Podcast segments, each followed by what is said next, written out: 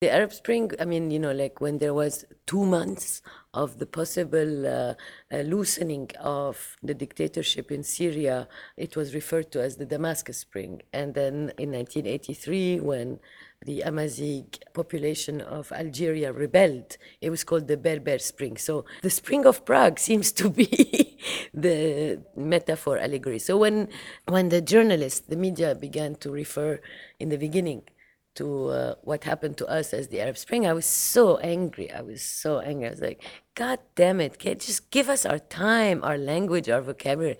It's a different thing. And then when it became a nightmare, I, I decided to call it Arab Spring again because I, I am still very hopeful, very hopeful, very optimistic. And of course, I look like a crazy person if I say Arab Spring now. That leads me back to the Arab Spring and why I think a real revolution happened. It was first and foremost an erotic action because people without discourse stood in one place, one next to the other, not knowing each other, for 30 days, 20 days, 50 days. And just by the fact of placing their body in a space that is supposed to be public was no longer public, political structure fell apart. They reconfigured a body politic with their bodies, literally and metaphorically.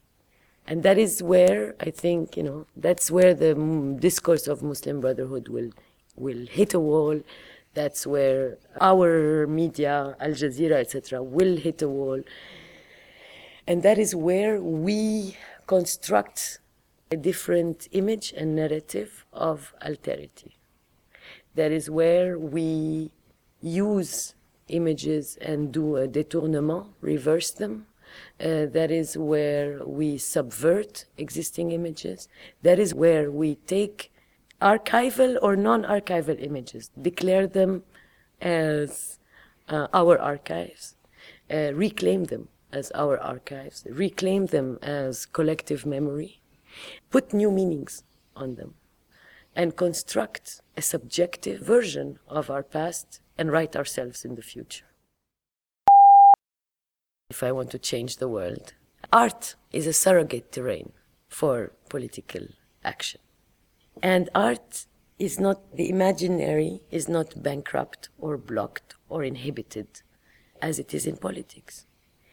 A lot of things are possible in art. Seeing a free Palestine is possible. Uh, seeing the wall that the Israelis built melt away. Imagining the unimaginable is possible in film, video, performance.